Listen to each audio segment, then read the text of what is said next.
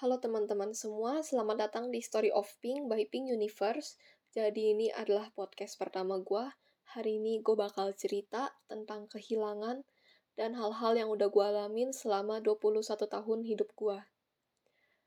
Jadi gue adalah perempuan berusia 21 tahun yang saat ini kuliah di Melbourne Gua adalah anak yatim piatu, papa gue udah meninggal tahun 2016 dan mama gue tahun 2021. Gue mempunyai seorang adik, dan ya jadi saat ini kita cuma tinggal berdua aja, tapi saat ini gue lagi berjauhan dengan adik gue, dia di Indonesia dan gue di luar negeri. Jadi ya bisa dibilang saat ini gue tinggal sendirian tahun 2016 papa gue meninggal dunia dan itu adalah kali pertama gue mengalami orang tua gue meninggal. Sebelumnya gue tuh cuman ngeliat hal-hal kayak gini tuh di film atau gue ngeliat tetangga gue atau temen-temen gue yang ngalamin. Jadi ketika gue harus ngalamin kehilangan orang tua, di situ gue tuh masih ada rasa nggak percaya kayak kok bisa sih kenapa gue gitu apa ini gue lagi mimpi gue berkali-kali cubit-cubitin dan nampar-nampar diri gue berharap bahwa gue cuman lagi tidur siang terus gue mimpi buruk aja tapi ternyata enggak itu bukan mimpi. Tapi ketika papa gue meninggal saat itu gue punya mama gue dan ya nggak butuh waktu lama buat gue untuk bangkit karena menurut gue ya yang udah meninggal ya sudah kita relakan dan gue harus fokus sama orang tua yang masih hidup. Fokus bahagian mama gue fokus bantu mama gue untuk ngurus keluarga karena kita emang cuman tinggal bertiga saat itu. Terus ya udah gue berusaha belajar yang giat norehkan banyak prestasi supaya mama gue bangga. Ya gue saat itu belum bisa bantu mama gue secara finansial karena gue masih sekolah dan gue juga ya gue udah apply kerja tapi saat itu belum diterima. Mengingat pendidikan gue ya emang masih belum mencukupi gitu. Jadi ya yang bisa gue lakukan adalah belajar dengan giat dan bawa penghargaan sebanyak-banyaknya yang gue harap bisa menorehkan senyum di wajah mak gue gitu dan bisa kasih mama gue kebahagiaan walaupun gak banyak. Kemudian singkat cerita tahun 2021 mama gue meninggal dunia dan di situlah titik di mana gue ngerasa dunia gue hancur banget, hancur sehancur-hancurnya. Dan bahkan sampai saat ini gue masih ngerasa di titik hancur gue walaupun saat ini gue udah agak mendingan karena gue udah tinggal di luar negeri dan udah banyak perubahan positif dalam hidup gue sejak gue pindah ke sini gitu. Sebetulnya di saat gue masih hidup sama mak gue, kehidupan kita yang gak mulus-mulus banget. Kita ngalamin beberapa kali jatuh bangun, kekurangan, dan segala macem. Tapi itu bukan masalah besar bagi gue. Karena apa? Karena setidaknya kita masih bertiga. Gue masih ada mak gue. Ya kita bisa berjuang sama-sama gitu. Tapi sekarang terlepas dari berapa uang jajan yang gue punya, terlepas dari apa yang udah gue dapatkan selama ini, gue tetap mengkondisikan diri gue sebagai orang yang nggak punya apa-apa. Karena kenapa? Karena Tuhan udah ambil harta yang paling berharga dalam hidup gue, yaitu orang tua gue. Banyak orang yang bilang kayak, oh lu sekarang enak ya uang jajan banyak gitu, disumbang keluarga. Ya iya, keluarga gue nyumbang gue karena gue yatim piatu. Tapi apakah gue bahagia dengan semua ini? Enggak, gue nggak bahagia. Kenapa? Bayarnya pakai mental. Dan gue juga karena orang tua gue nggak dari sini jadi apa artinya semua uang uang ini gitu selain buat gue beli makan selain buat gue beli kebutuhan gue ya artinya apa oke mungkin bisa kasih kebahagiaan gitu saat gue beli baju yang gue suka yang mungkin pas orang tua gue masih ada mereka belum bisa beliin ini buat gue gitu dan ketika gue berhasil ngebeli barang itu baju atau apa gitu ya gue ngerasa bahagia tapi cuma sesaat. Karena kenapa? Karena bukan ini yang gue butuhkan. Yang gue butuhkan itu orang tua gue hadir di sini gitu. Dan juga rasa sedih setelah ditinggal mama gue itu masih bertahan sampai hari ini. Mama gue udah pergi kurang lebih 8 apa 9 bulan gitu gue lupa. Dan sampai hari ini gue masih bisa loh saat gue lagi masak, lagi belajar, atau lagi di bus gitu, gue bisa tiba-tiba nangis karena emang sedih itu. Ketika mama gue meninggal waktu itu, gue gak punya banyak waktu buat nangis gitu karena keluarga gue masih menganut prinsip bahwa jangan nangis nanti almarhum berat jalannya gitu. Dan ditambah karena gue anak sulung, ya gue saat itu udah langsung dihujani nama banyak tanggung jawab kayak soal rumah, soal kontrakan, soal cicilan-cicilan yang belum lunas, surat-surat kematian, data-data keluarga dan sebagainya. Dan ya ada banyak hal yang gue nggak tahu tapi gue nggak bisa nanya siapa-siapa lagi. Tempat gue bertanya mama gue udah meninggal. Ya gue mau nangis di pinggir peti juga mama gue nggak bakalan bangun gitu. Jadi gue harus cari sendiri. Kartu keluarga hilang gue nyari sendiri. Surat kematian gue bolak balik ke kelurahan panas-panasan. Mana di tengah-tengah pandemi lagi gue sendiri. Terus juga ngurus cicilan rumah yang udah sempet dibayar tapi kayak dibatalin gitu gue ya harus ngurus sendiri segala sesuatunya. Keluarga gue nanya sama gue soal data-data rumah. Lah gue kagak tahu data-datanya di mana mama gue yang tahu. Jadi ya saat itu gue juga tekanan batin gitu. Gue ngerasa kayak kenapa gue harus ngurusin hal-hal yang gue bahkan gue nggak tahu gitu. Kenapa harus gue kenapa cuman gue tapi belakangan gue sadar bahwa ya emang cuman gue yang bisa ngurus karena gue anak pertamanya mak gue dan mama gue biasa ngasih tahu tempat-tempat itu tuh ke gue gitu kan. Dan gue emang gak punya siapa-siapa lagi buat bertanya. Tapi jujur gue gak suka sama konsep yang jangan nangis nanti almarhum jalannya berat. Eh maksud gue itu kan gak manusiawi gitu. Manusia tuh butuh waktu untuk berduka. Berduka itu tuh bukan sesuatu hal yang patut untuk dilarang. Namanya kehilangan orang tua kan pasti sedih. Lu nggak mungkin kehilangan orang tua terus lu masih ketawa cekikikan. Ya lu bisa apa selain nangis gitu. Paling kalau nggak nangis ya lu diem gitu. Tapi maksud gue ngelarang orang buat berduka itu hal yang jahat menurut gue gitu loh. Kayak lu paham gak sih apa yang ada di posisi gue gitu.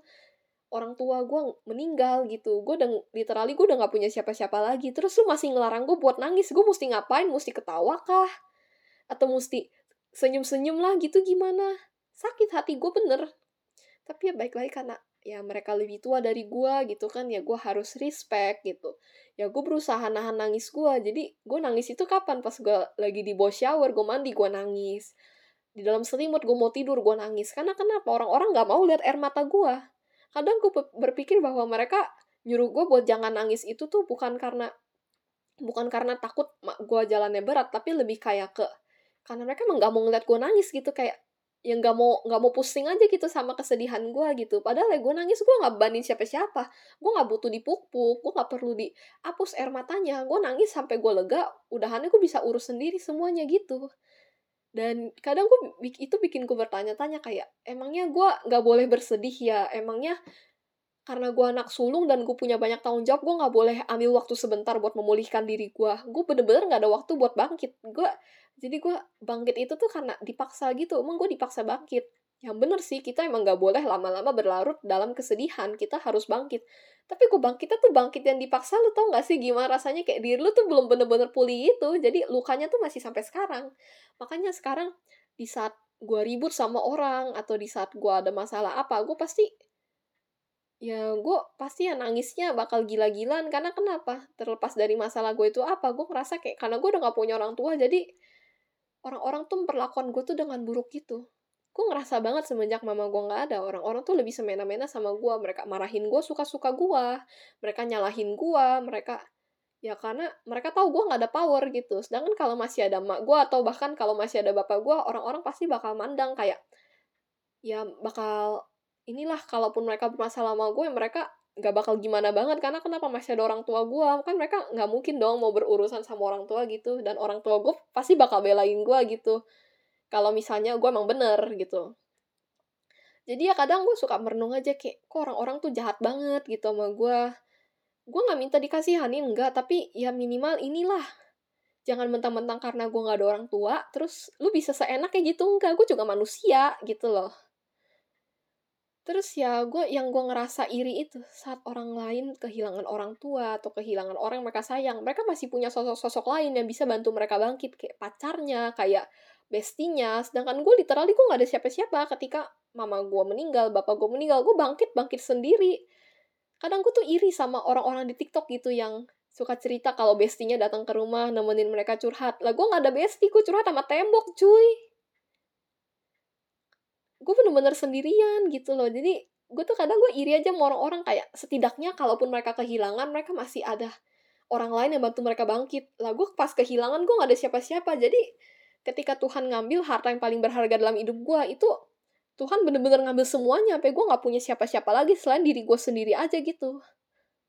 Gue juga pengen kali saat gue sedih itu tuh ada orang yang bantu gue bangkit ada orang kasih gue support. Tapi nyatanya nggak ada gitu. Tapi ya udah oke okay lah itu udah lewat saat ini sekarang ini gue udah bisa mulai nerima keadaan walaupun gue masih rasa sakitnya masih sekarang ya setidaknya gue sekarang gue udah lebih baik gitu Dan ketika mama gue meninggal tuh kan gue kan tinggal sama nenek gue kan. Karena kita sebelumnya nggak pernah tinggal bareng, jadi ada banyak kesalahpahaman dan ketidakcocokan gitu antara kita dan juga kayak gue kesel banget gitu gue capek. Ada banyak luka yang nenek gue tinggalkan buat gue gitu. Sampai akhirnya gue harus berobat ke psikiater Oktober tahun lalu karena gue udah nggak tahan lagi gitu. Dan gue konsumsi obat 10 hari obat penenang sama obat apa lagi gitu gue lupa. Karena emang emosi gue yang gak stabil dan trauma gue yang emang gila banget saat itu. Karena um, mama gue itu kan uh, meninggalnya kan di IGD jadi kan gue nganterin mama gue dulu ke rumah sakit. Itu kan pasti pas mama gue lagi kritis kan dokter pada lari-larian pada teriak-teriak ambil ini ambil itu. Terus juga karena emang saat itu rumah sakit tuh lagi chaos banget karena kan di tengah-tengah pandemi kan. Jadi gue trauma sama suara teriakan sama suara benda jatuh gitu. Bener-bener setrauma itu gue sampai ya begitulah. Tapi orang-orang tuh nggak ada yang ngerti. Mereka mikirnya gue berlebihan gue gila atau gue gue terlalu mengada-ngada gitu. Orang-orang nggak tahu apa yang gue rasain dan sampai hari ini pun mereka masih nggak tahu dan gue udah nggak mau ngejelasin lagi karena menurut gue ya kayak ya udah lu kalau lu nggak ngerti yang gue rasain ya udah gue bodo amat. Dan gue juga nggak nggak meminta lu nggak menuntut lu untuk lu paham kondisi gue nggak. Gitu dan yang paling gue benci setelah gue kehilangan orang tua itu. Banyak orang-orang tuh yang bilang kayak oh kamu harusnya tuh merelakan orang tua kamu. Kamu harus jadi lebih dewasa gini-gini. Tapi mereka yang ngomong gitu ke gue adalah mereka yang masih punya orang tua. Gimana sih perasaan lu saat peras saat lu berusaha bangkit saat lu sedih tapi orang-orang tuh pada bilang lu lemah lu manja apa segala macam sedangkan mereka tuh masih punya orang tua. Mereka tuh kasarnya tuh mereka nggak akan ngerti apa yang lu rasain. Mereka nggak akan ngerti gitu. Kenapa lu sampai sesedih ini sampai gak bisa merelakan gitu. Jujur gue sebel banget maksud gue ya kalau orang yang ngasih gue nasihat tapi dia ada di posisi yang sama dengan gue mungkin gue akan berusaha untuk untuk ambil waktu buat introspeksi diri buat mikir kayak oh iya bener juga apa yang dia bilang. Tapi masalahnya yang ngomong ke gue itu mereka tidak berasal dari situasi yang sama dengan gue jadi gue tuh kayak kesel gitu bawaannya gitu loh. Kayak lu tahu apa sih tentang gue gitu loh. Gue benci gitu. Dan gue sempat ada di tahap setelah gue kehilangan orang tua di mana gue tuh kehilangan simpati gue sama orang lain. Ketika orang lain kena masalah gitu gue pasti bakal mikirnya ah lu kan cuman masalah gini dong apalagi gue nggak ada orang tua gitu. Kayak ya udah lu kan masih ada orang tua setidaknya. Emangnya hidup lu seberat apa sih? Tapi belakangan gue belajar bahwa kita nggak boleh banding bandingin masalah kita sama orang lain. Karena setiap orang itu punya masalah yang berbeda dan kesanggupan orang itu beda beda hal yang menurut kita itu ringan, mungkin menurut orang lain tuh udah berat banget, udah di batas kemampuannya dia, dan begitu juga sebaliknya. Makanya ketika gue cerita gitu, ketika gue cerita ke orang lain tentang kesulitan gue, dan mereka bilang, ala lu masih mending gini-gini, coba gue. Gitu ya, gue kesel aja kayak, gue nggak butuh perbandingan dari lu, gue nggak gue nggak mau tahu seberapa menderitanya hidup lu gitu, karena itu nggak penting. Buat gue kita punya masalah yang beda-beda. Kalau lu udah memutuskan pengen dengerin cerita gue maka jangan banding-bandingkan apa yang gue alamin sama yang lu alamin gitu loh. Makanya sekarang gue jadi males gitu cerita sama orang karena kalau mereka bilang udah nggak apa-apa cerita aja. Ketika gue cerita mereka bukan yang ngasih support atau apa malah ngebanding-bandingin ah lu masih mending coba gue gini-gini gitu. Karena ya apa namanya dibanding-bandingin tuh nggak enak gitu. Kita kan beda-beda kita manusia yang berbeda pribadi yang berbeda punya latar belakang berbeda punya pola pikir yang berbeda. Jadi sebetulnya tuh nggak ada hal yang bisa dibanding-bandingin gitu loh. Ya kalau misalnya gue cerita terus menurut lu masalah gue tuh nggak seberapa dibanding masa lalu ya ya udah lu diam aja gitu. Kalau lu pun lu nggak bisa mengatakan hal yang baik kalaupun lu nggak bisa ngasih support gitu ya udah diam aja nggak usah bacot gitu loh tapi ya ya udah, sekarang gue udah ngerasa lebih baik gitu di sini. Gue berusaha ngejar mimpi gue, ngejar cita-cita gue buat sisa hal-hal yang gue punya. Gue mah gak punya keluarga lagi gitu. Gak ada orang yang bisa kasih gue pelukan, gak ada orang yang bisa kasih gue support, gak ada orang yang bakal rela relain datang ke tempat gue tengah malam buat dengerin gue curhat sampai gue lega terus gue ketiduran. Enggak enggak ada enggak ada sosok-sosok seperti itu dalam hidup gue tapi setidaknya apa? Gue masih punya mimpi dan harapan. Dan gue akan menggunakan kesempatan gue kuliah di luar ini dengan sungguh-sungguh buat meraih impian gue buat meraih hal-hal yang hal-hal yang menurut gue mustahil untuk untuk mewujudkan keinginan gue dan orang tua gue karena orang tua gue ya dari dulu pengen banget lihat gue kuliah di luar negeri sekarang ya gue wujudkan gue bakal belajar yang giat sampai gue lulus dan gue bisa jadi orang yang berguna. Juga buat nampar itu mulut-mulut jahat yang udah merendahkan hidup gue pokoknya gue bakal terus jadi pribadi yang semangat jadi pribadi yang selalu berusaha bangkit setiap harinya. Untuk teman-teman yang mungkin saat ini lagi ngerasain kehilangan atau mungkin kalian ada di posisi yang sama dengan gue satu hal yang gue mau bilang ke kalian semua kalian itu nggak sendirian. Walaupun kita udah nggak punya orang tua kita yatim piatu hidup kita disumbang kita bukan berarti kita nggak punya harga diri enggak kita tetap manusia yang berguna kok. Satu hal yang bisa kita lakukan adalah balas semua kebaikan itu kita jadi pribadi yang berguna. Kita gunain setiap kesempatan belajar dan bekerja kita dengan baik. Karena jika kita bisa menjadi pribadi yang baik di sini, maka orang tua kita di atas mereka juga pasti bangga sama kita. Oke, sekian dulu cerita singkat gue yang gak singkat-singkat amat. Sampai ketemu di podcast gue berikutnya. Bye-bye.